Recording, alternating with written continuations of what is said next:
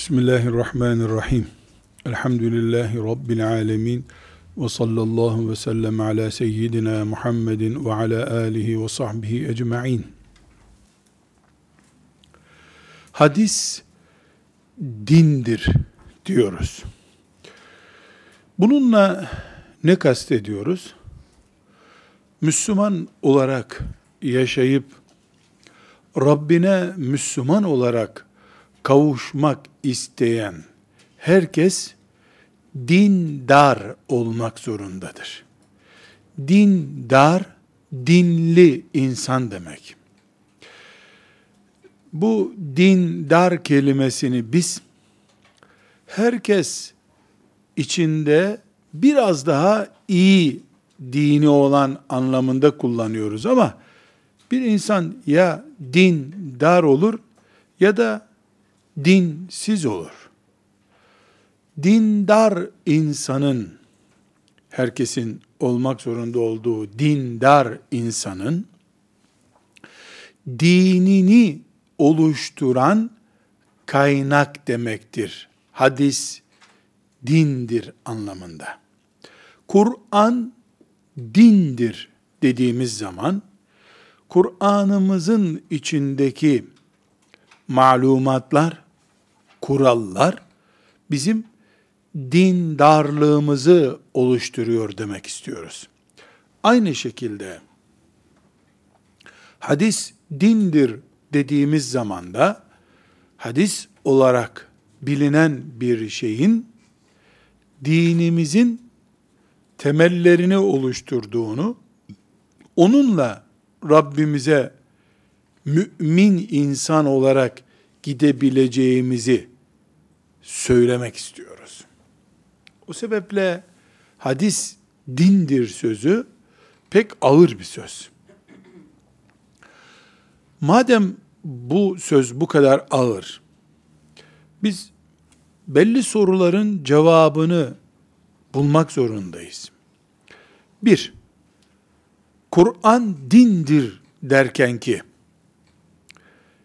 hissettiğimiz ağırlık, hadis dindir dediğimiz zaman da hissettiğimiz ağırlık mıdır? Evet. Evet, aynen böyle. Herhangi bir şekilde hadisi şerif sonradan yamanmış bir parça değildir. Hadisi şerifler bize Kur'an getirenin getirdiği şeylerdir.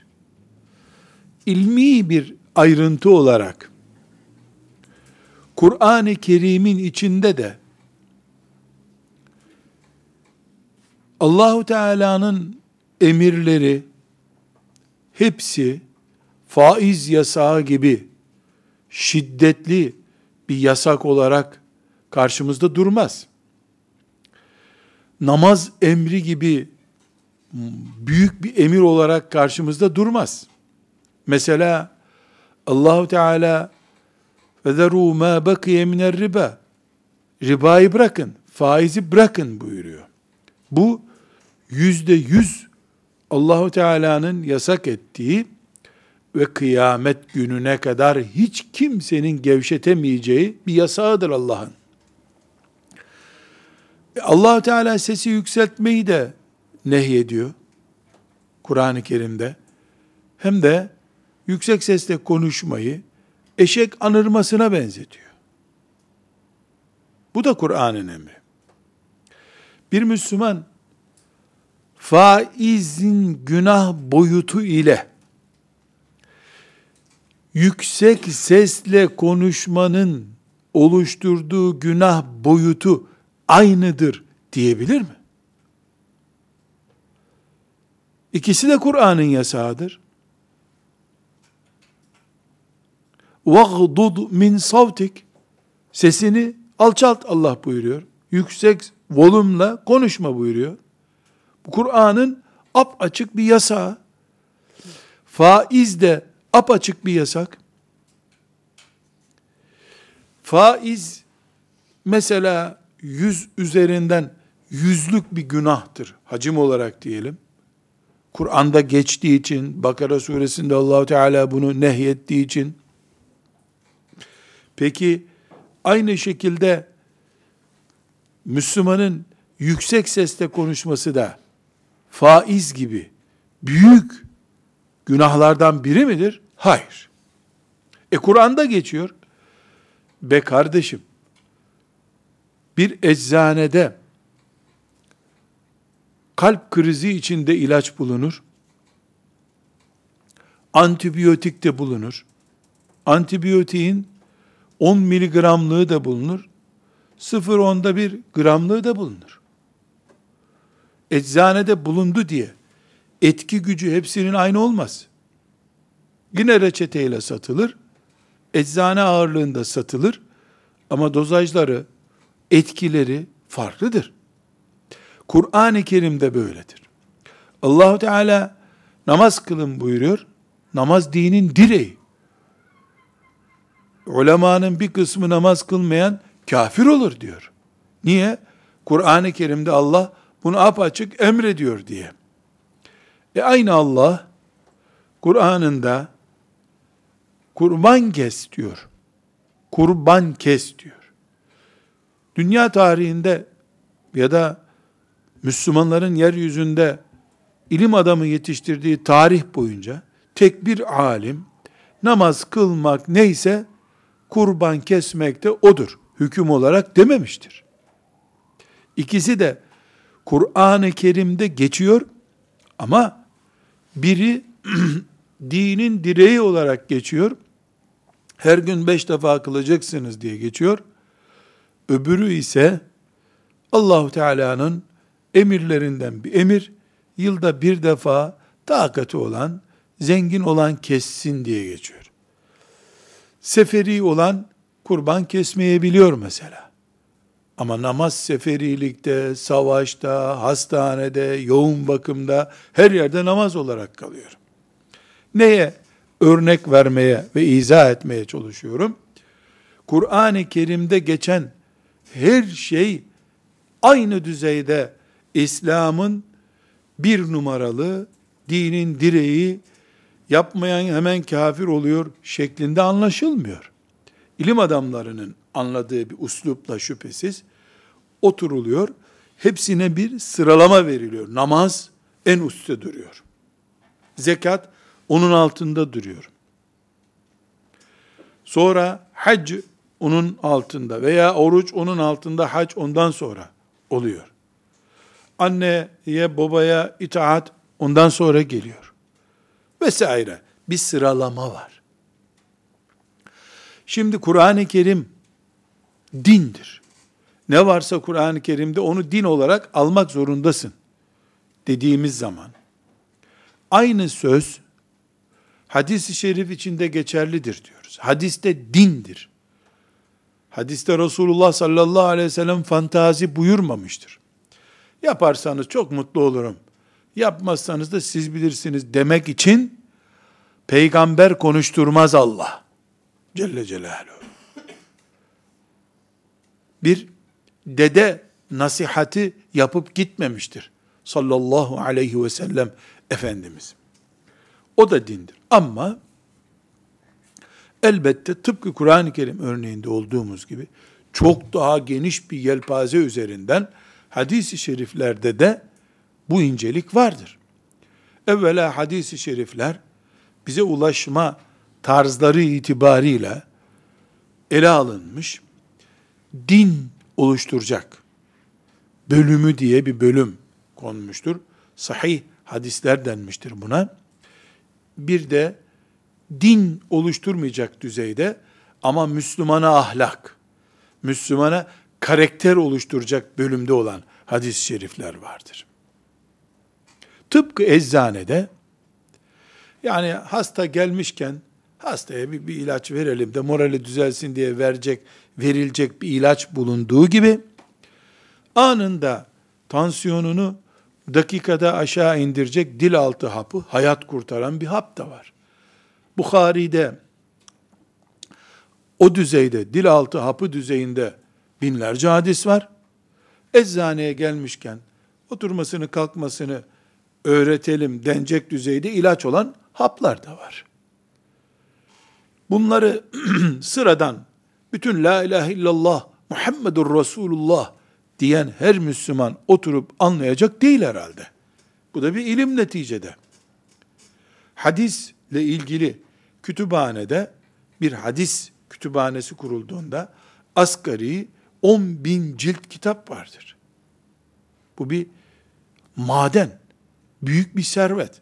Ümmeti Muhammed'in 1300 yıllık çalışması var üzerinde. Elbette bunu bütün okuma yazma bilenler okurlar, anlarlar denemez. Ehli anlar. Anlamayan da ya teslim olur. Ehli bana söylesin ben yapayım der. Nevevi'den dinlerim. Nevevi'nin tarif ettiğine göre yaşarım der veyahut da inatlaşır. Ahiretini berbat eder. Rezil rüsvay olacağı bir şekilde ahirete gider hadis düşmanı olduğu için. Hadis dindir derken bu ağırlığı ifade etmeye çalışıyorum. Ayrıca bir notu zihnimize koymamız gerekiyor. Değerli kardeşlerim, din Allah'ındır.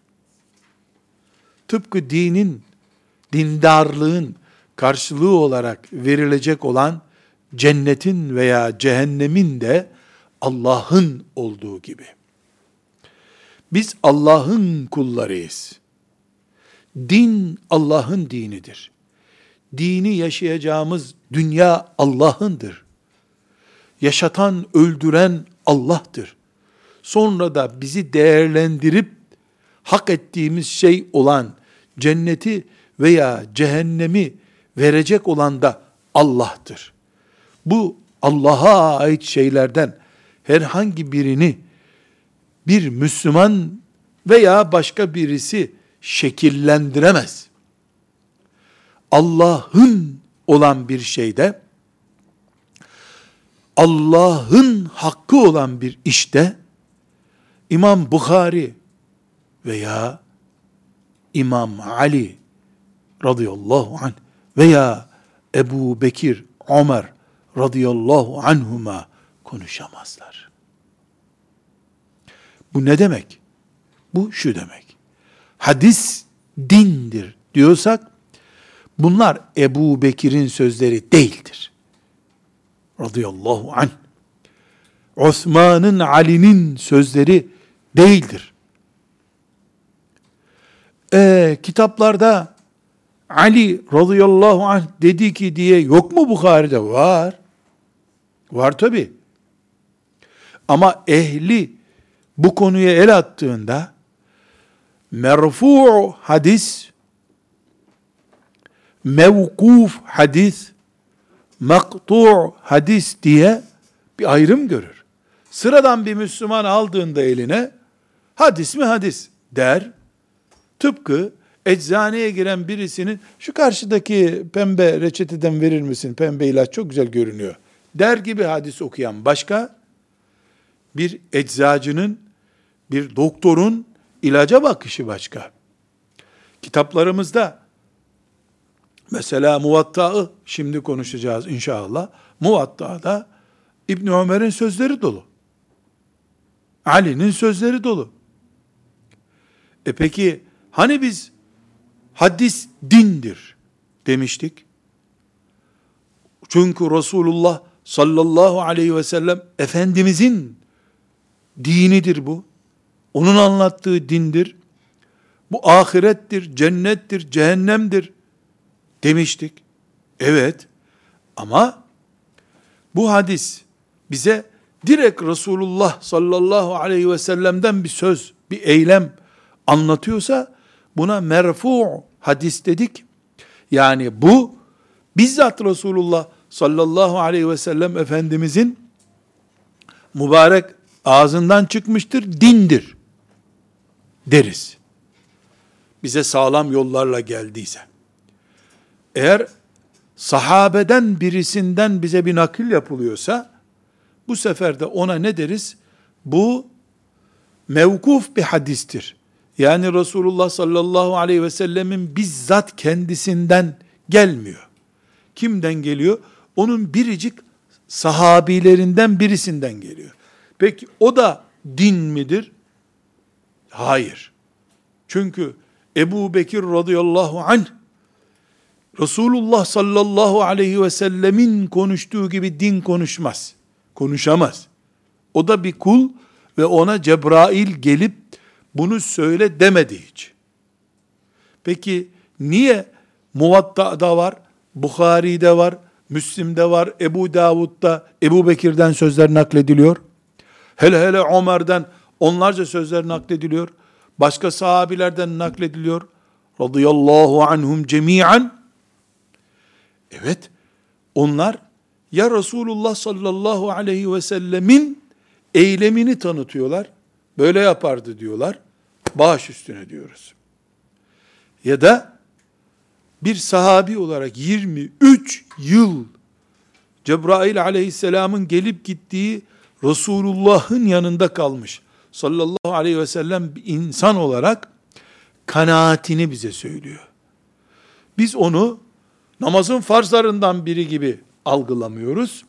Ama ilkokulda öğretmenimizin söylediği veya akşam haberlerde dinlediğimiz bir cümlede anlamıyoruz. Ne anlıyoruz?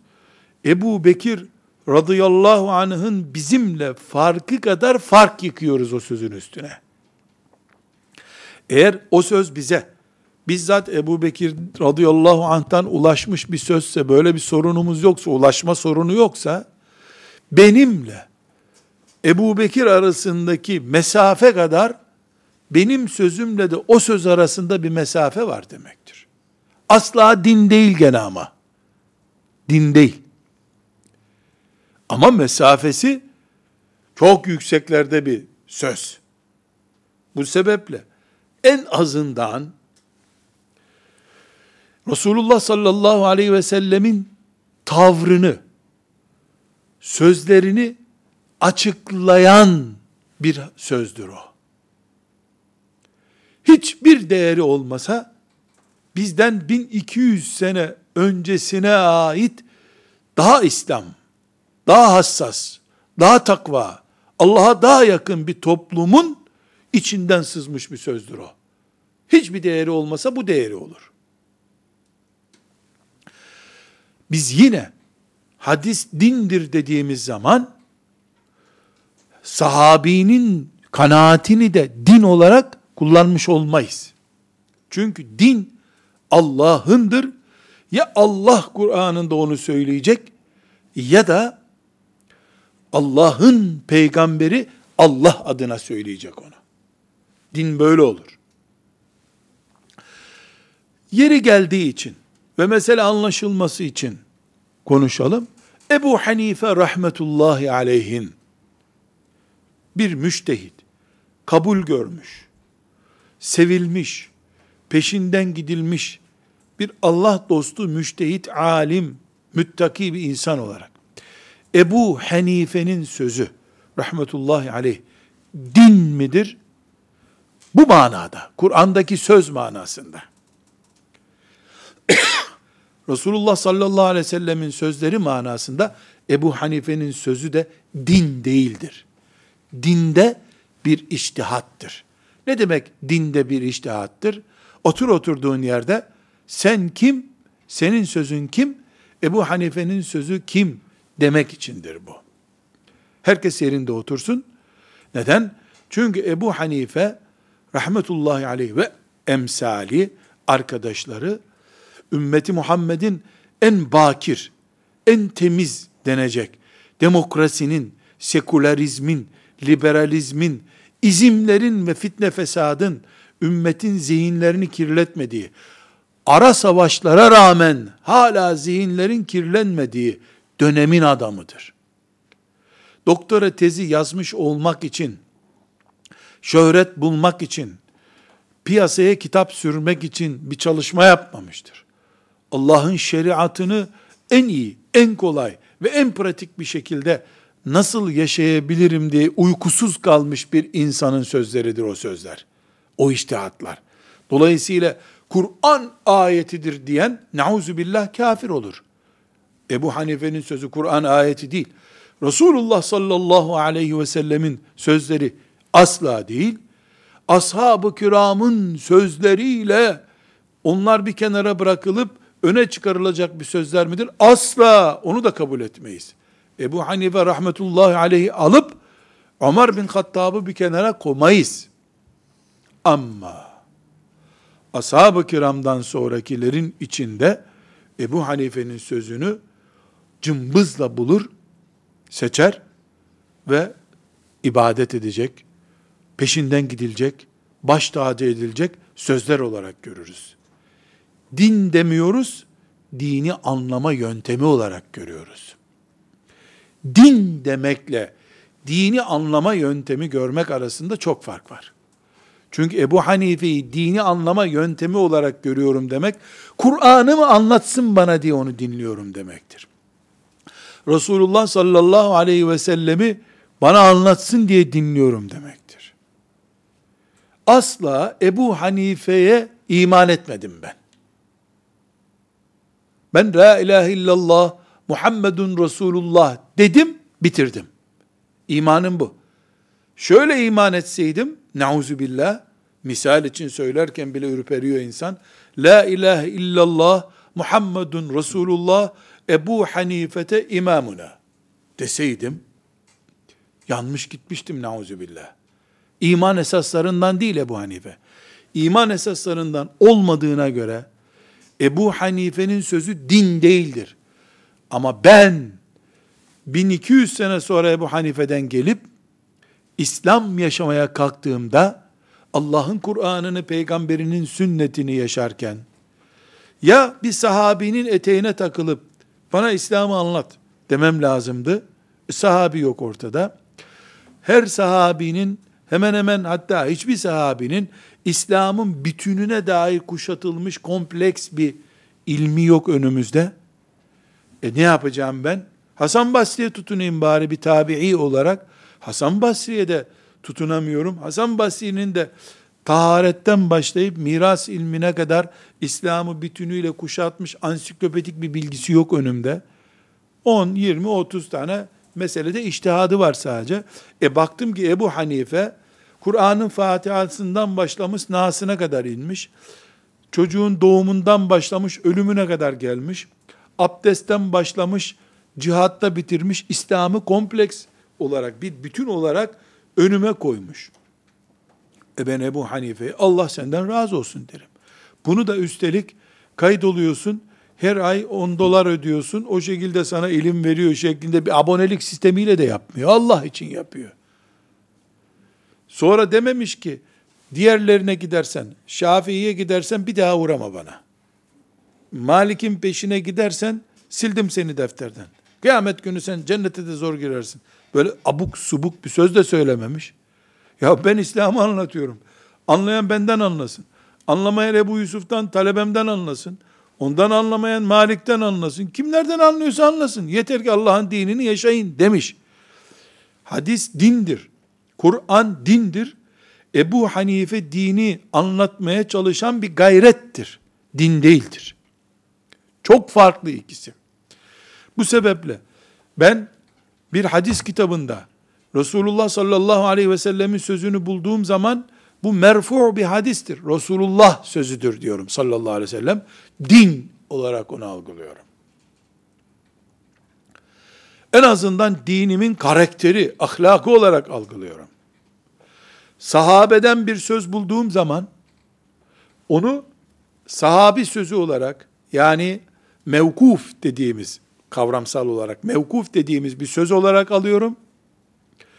Onu bağrıma basıyorum. Başıma sarık yapıyorum. Dilime şeker yapıyorum. Sahabe sözü diye. Ama Resulullah'ın sözüne denk tutmuyorum. Sallallahu aleyhi ve sellem. Sahabeliği de aşıp, tabi'inden Hasan Basri'den, Said İbni Müseyyep'ten bir söz bulduğum zaman, onu da baş tacı ediyorum. Ama asla sahabe sözü gibi görmüyorum. Zaten ben Kur'an'dan bir ayet bulsaydım, yeterli açıklamayı veren, hadise de müracaat etmeyecektim. Hadisten yeterli bir bilgi bulsaydım, sahabe ne diyor diye merak etmeyecektim. sahabeden yeterli açıklamayı bulsaydım, Hasan Basri tabiinden biri olarak maktu' bir hadis literatür ifadesiyle aramayacaktım zaten.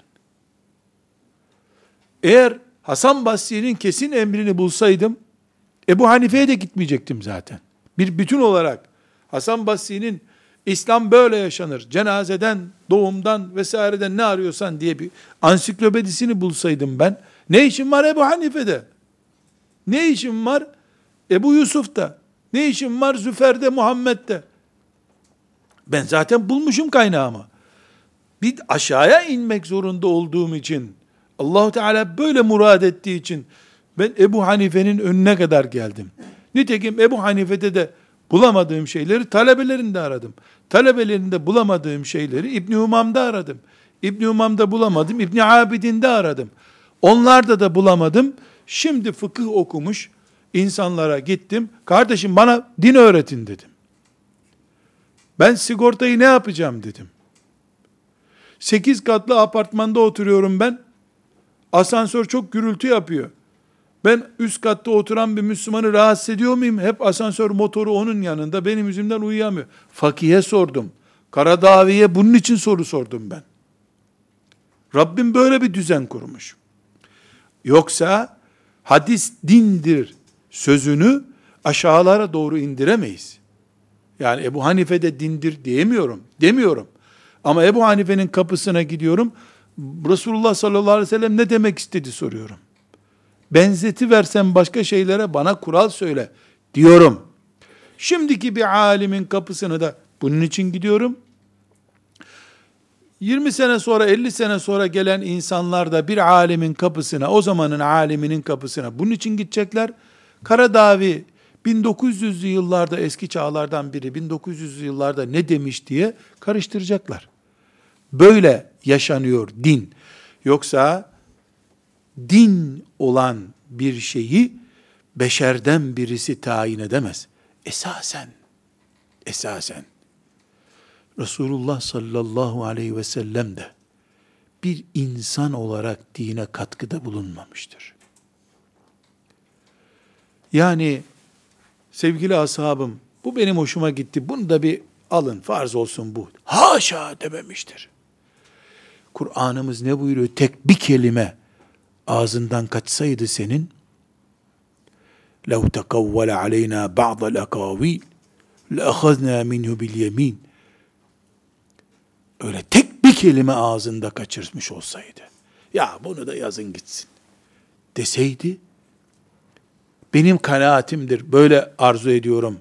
Medine'ye bundan sonra şu ağacı dikin, bu farz olsun deseydi, din olarak onu en şiddetli şekilde cezalandırırdık. Allah buyuruyor Celle Celaluhu.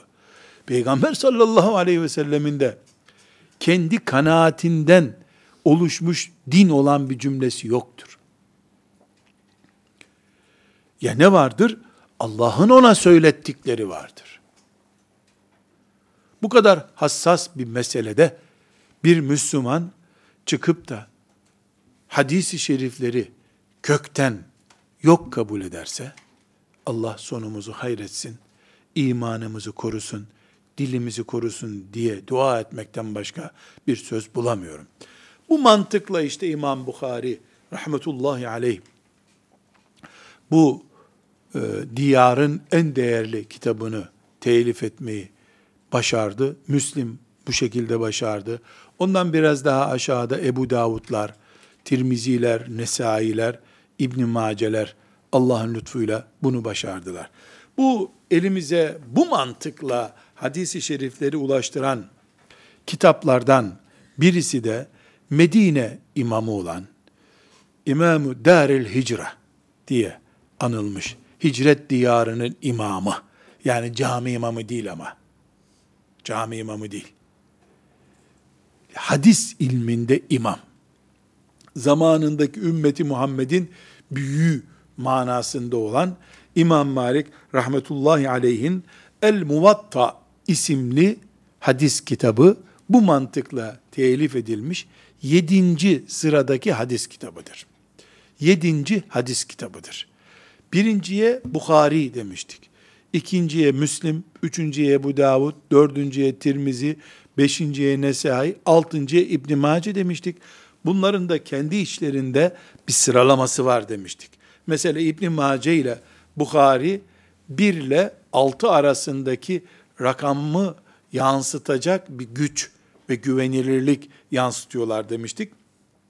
Muvatta İmam Malik rahmetullahi aleyhin kitabıdır.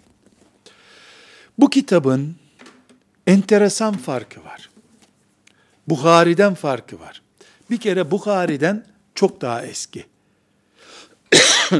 Bukhari 250'li yıllara ait bir çalışma. Bu 179'da vefat etmiş. İmam Malik 179 yani 180 diyelim rakam kolay akılda kalsın. Vefat tarihidir. Bir 10 sene önce en az bu kitabı yazmış olsa ki daha eski büyük ihtimalle çünkü İmam Şafii rahmetullahi aleyh 10 yaşında muvatta ezberlediğine göre bu kitap büyük ihtimalle 150'li yıllarda e, yazıldı. Hicretin 150. senesinde. Bu muvatta kelimesinin hadis kitabı olmaktan başka bir özelliği daha var. İmam Malik, İmam-ı Daril Hicre, adını unutmuyoruz, vasfını unutmuyoruz. İmam Malik, Medine tutkunu denecek düzeyde Medine eksenli çalışan bir alimdir.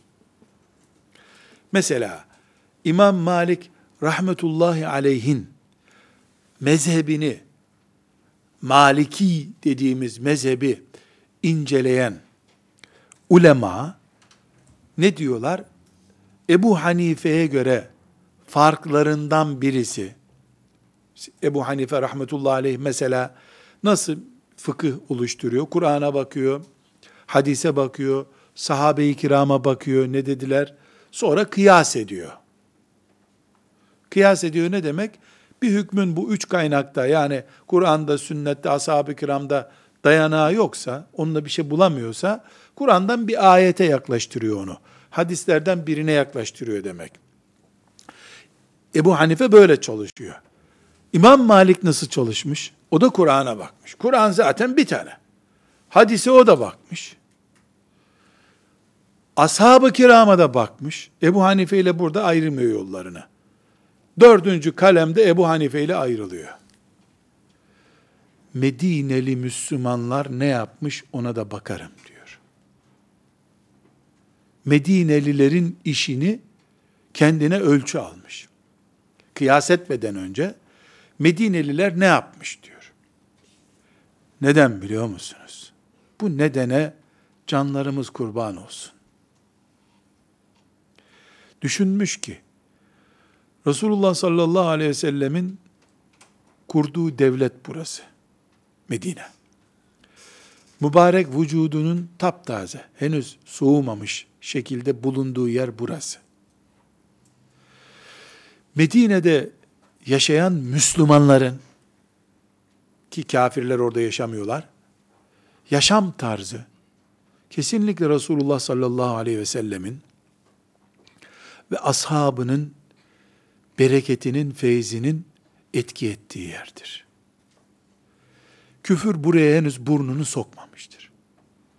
Ben oturup kıyas yapacak yerde, yani kendi kanaatimi kullanacak yerde, bakayım Medine sokaklarında Müslümanlar ne yapıyorlarsa, Medine mescidinde nasıl namaz kılıyorlarsa, çünkü 130 sene kadar olmuş. Hatta büyük oranda 70-80 sene olmuş. Ashab-ı kiramın orayı terk ettiği ya da vefat edip bu dünyadan çekildikleri. Hala toprak ashabın izlerini taşıyor. Ayak izlerini taşıyor.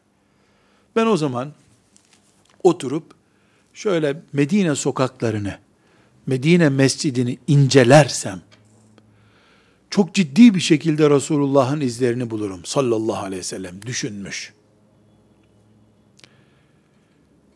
Bu neden böyle düşünmüş? Çünkü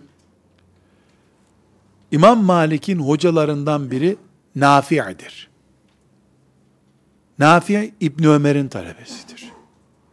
İbni Ömer Resulullah sallallahu aleyhi ve sellemin sünnetini en iyi bilen ashab-ı kiramdan birisidir.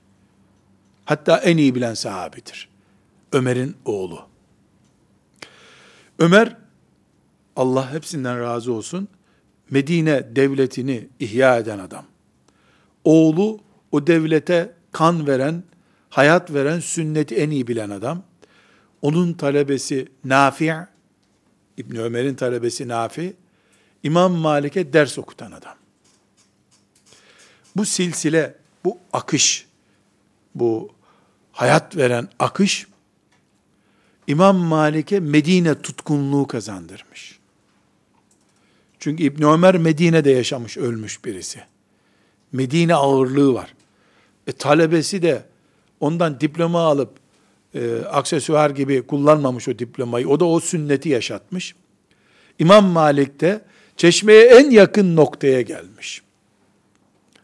Rahmetullahi aleyh. Bu muvatta özetlediğim kültürü yansıtan bir kitaptır. Yedinci hadis kitabıdır. Çok iri hacimli değildir. Böyle bir cilt olacak bir kitaptır. İçinde yoğun bir şekilde Medine kültürü vardır. Sevdası Medine olanlar için mezhep farkı gözetmeden bizim imamımız onun imamı demeden Resulullah'ı arayanlar için sallallahu aleyhi ve sellem diyebilirim ki Ravza-i Mutahhara hariç Mescid-i Nebi'nin o haram kısmı hariç Medine sokaklarında şurada burada hurma bahçelerinde peygamber hatırası arayanların bulduğunun 2000'den fazla katı burada var. Bu içindeki hadisi şerifler, sahabe sözleri, İbn Umar'a ait sözler, Nafi'in sözleri, Medineliler böyle yapardı diyor mesela. Bu bir defa müthiş bir tarih kitabı. Çünkü Medine tarihini ilk günkü heyecanıyla, eski tarihini değil, Resulullah sallallahu aleyhi ve sellemin gelip bir yetimlerin arazisinde e, mescidini kurduğu günden itibaren kurulu tarihin yaklaşık olarak 150 senesini kaydetmiş ve bunu hadis silsilesiyle yani tarihin herhangi bir kitabına nasip olmayacak bir şekilde bize ulaştırmış temel Medine tarihine ait bilgi vardır burada. Bu kitabı İmam Malik rahmetullahi aleyh yazdı. E, bu yazılmayı Harun Reşit çok e, ciddi bir şekilde değerlendirmek istedi. E, bunu yani anayasa yapalım gibi bir teklifte bulundu. İmam Malik kabul etmedi. Yani çünkü insanlar benim yazdığım kitabın etrafında İslam öğrenmesinler dedi. Bu bir hizmet olarak kalsın düşündü. Ama talebeleri bu gördüğünüz kitabı satır satır ezberleyip önüne oturdular. İlk ezberleyenlerden biri de İmam Şafii'dir. Rahmetullahi aleyh. İmam Şafii, İmam Muhammed'in, İmam e, Malik'in talebesidir. Ebu Hanife'nin talebesi İmam Muhammed'in de talebesidir. Dolayısıyla İmam Malik'in ilim karakteri İmam Şafii'de var. Ebu Hanife'nin ruhu da İmam Şafii'de vardır. Yani imamlık meselesinde hem hadis hem fıkıh ekolünü birleştirmiştir. Ala külli hal ondan önce bizi ilgilendiren El Muvatta isimli kitap İmam Malik'in gayretidir. İmam Malik'in Resulullah sallallahu aleyhi ve sellemin hatıralarını topladığı kitaptır. Bu hatıralar savaş hatıraları değil şüphesiz. Namaz, oruç, taharet, aile ilişkileri, cihat, ne varsa. Yani Medine'den İmam Malik'e ne ulaştıysa. Burada e, bir ayrıntıya temas etmekte fayda buluyorum. El-Muvatta Türkçedeki eser demektir. Mesela Abdülhamit döneminde işte bin eser yazılmış diyoruz ya. El muvatta öyle bir kelimedir. Konmuş, ortaya konmuş şey demek. Yani kitap ismi değildir aslında. Kitap demek gibi bir şey el muvatta. O günlerde hicretin 150-160. senelerinde kitap yazanlar şimdiki gibi İslam'da kadın hakları diye bir isim koymuyorlardı kitaplarına. Mesela Sahih-i Bukhari biz diyoruz. O kitabın adı o değildir. Biz onu kısalttık. Türkçe ben ismini telaffuz edeyim. İmam Bukhari o kitabı yazdığında Resulullah sallallahu aleyhi ve sellemin özel ve geniş hayatından bize ulaşmış sağlam bilgiler. Kitabın adı odur. Bukhari'nin Sahih isimli kitabı demek için biz ona Sahih Buhari dedik öyle kaldı. Yani adı öyle kaldı. Aynı şekilde diğer alimler de kitaplarına bir isim vermedikleri olmuş. İmam Malik bu kitabına isim El Muvatta kitap demek sadece. Bir isim değil. Mesela Medine'nin kullandığı, Medinelilerin kullandığı bilgiler diye bir isim yok. Medine'de duyduğum sahih hadisler diye bir isim değil.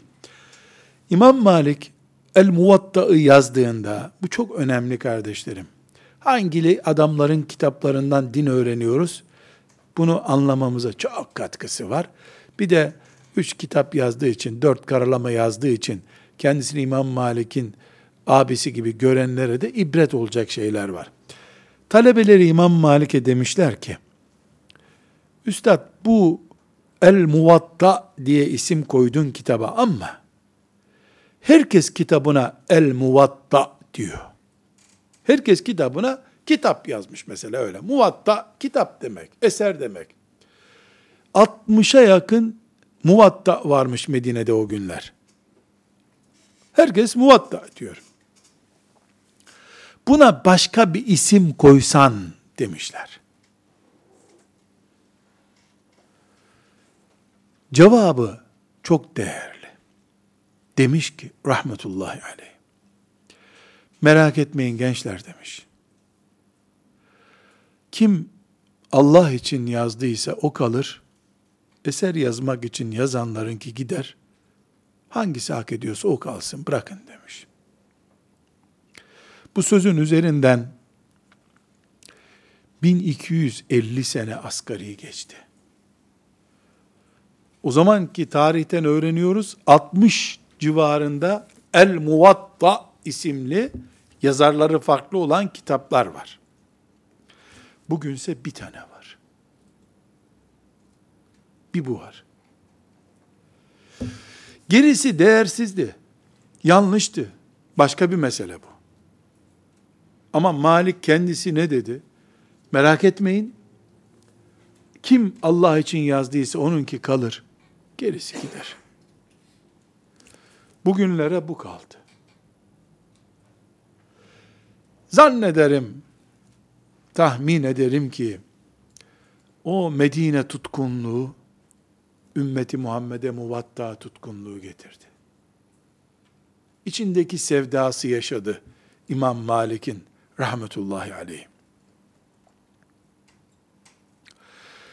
Ne kadar sahihtir bilmiyorum ama duyduğum bir şeyi ya da menkibe kitapları düzeyinde bildiğim bir şeyi size nakledeyim. İmam Malik 70 sene kadar yaşadı. Biraz daha da fazla. Medine'de hep yaşadı. Bir kere hacca gitmiş sadece. Onun dışında Medine'yi terk etmemiş. Medine tutkunluğundan dolayı. Medine tutkunu çünkü. Ama çok enteresandır. Senelerce, asgari 20 sene Mescid-i Nebi'de hadis dersi okutmuş. Medine'nin hafif dışında evi, gidip geliyor evinden ya da harem bölgesinin dışında. Medine deyince şimdi Medine koca şehir tabi. Harem bölgesinin dışında evi gidip geliyor, hadis okutuyor.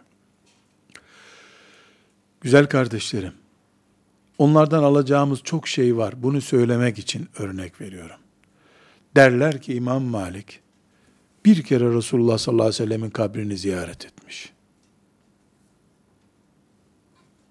O ziyareti bir kere yapmış. Ama ömrü Medine'de geçmiş. Üstelik de Ravza-i Mutahhara'nın yanında da hadis dersi okutmuş. İmam Şafii orada dinlemiş mesela. Sorulduğunda da verdiği cevap çok önemli. Medine tutkunu dedik ya, Medine'nin taşına, toprağına, hurmasına, mezarlarına değil tutkunluğu. Uğut şehitliğini merak etmiyor. Başka bir sevdası var. Kabri şerifini sallallahu aleyhi ve sellem Efendimizin, insan her gün üç defa ziyaret eder bir defa. Düşünürüz biz, o öyle düşünmemiş. Niçin sık sık ziyaret etmediği sorusuna verdiği cevapta diyor ki, çünkü bir müminin yüreği o ziyarete bir defa dayanır diyor.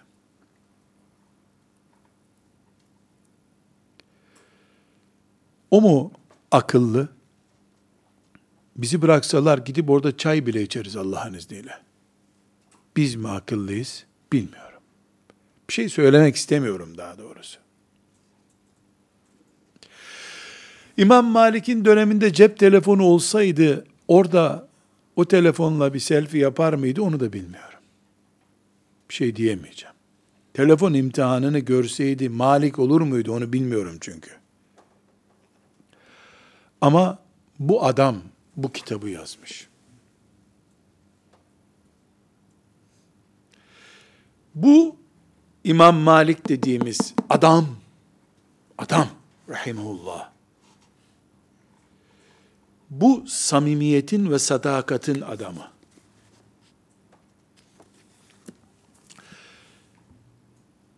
Ve Nafi'in önüne oturmuş. Nafi' İbn Ömer'in talebesi. İbn Ömer Resulullah'ın talebesi sallallahu aleyhi ve sellem. Böyle bir samimiyet ortamında yanılma payı ne kadar olur acaba bu kitapta? Ve bugüne kadar bu kitap matbaalarla gelmedi. Bu da çok enteresan bir şey. Bu kitap kafadan kafaya taşınarak geldi. Onun için piyasada mesela İmam Muhammed'in, Ebu Hanife'nin talebesi İmam Muhammed'in muvatta diye muvatta var. Bu başka bir baskısı, başka bir muvatta. Muvatta, çok muvatta var piyasada. Ee, İmam Malik'e ait. Fark var mı aralarında? Yok, bir fark yok. Ama İmam Muhammed, İmam Malik'in muvattağını ezberlemiş, ondan icazet almış. İmam Şafii ezberlemiş, gitmiş okumuş, icazet almış. Filanca talebesi gitmiş, ezberlemiş, icazet almış. Gelen oturuyor, işte 5 saat, 6 saat günde uğraşıyor, okuyor. O okurken mesela namaz bölümünü önce dinlemiş. Öbürünü oruç bölümünü önce dinlemiş. Ona sondan başla bakayım demiş. O da hocasından, İmam Malik'ten nasıl icazet aldıysa o mantığı yazmış. İmam Muhammed öyle yazmış mesela. Aynı şeyin sunum tarzı farklı. İçinde 2000 hadisi, aynı hadisleri, aynı şeyler ama rivayet farklı. Dolayısıyla elimizde muvatta türleri var şu anda. Neden? Çünkü bu İmam Malik'in Medine matbaasında bastırdığı bir kitap değil. Müminlerin çocuklarının beynine yüklediği bir kitap bu. O beyinlerden 1900'lü yıllara kadar geldi elhamdülillah. Hala muvatta ezberlenir. Mağrib ülkelerinde muvatta böyle bizim Riyazu Salihini okuduğumuz gibi okunan bir kitaptır. Ki lise talebelerine filan ezberletiyorlar. Burada ümmeti Muhammed'in bir, bu vefakar alimlerini rahmetle yad etmemizin tapusudur bu. Bu rahmeti hak ediyorlar İmam Malikler. İki, hadis dindir derken temennimizi söylemiyoruz. Öyle olmalı muhakkak demiyoruz. Vallahi dindir diyoruz. İtimadımızdan dolayı.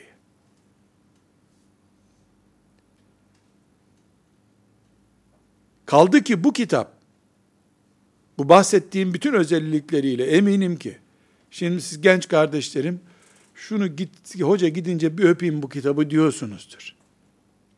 Öpülesi, yalanası bir kitap. Kaldı ki Bukhari'nin sahihiyle arasında altı kitap daha var.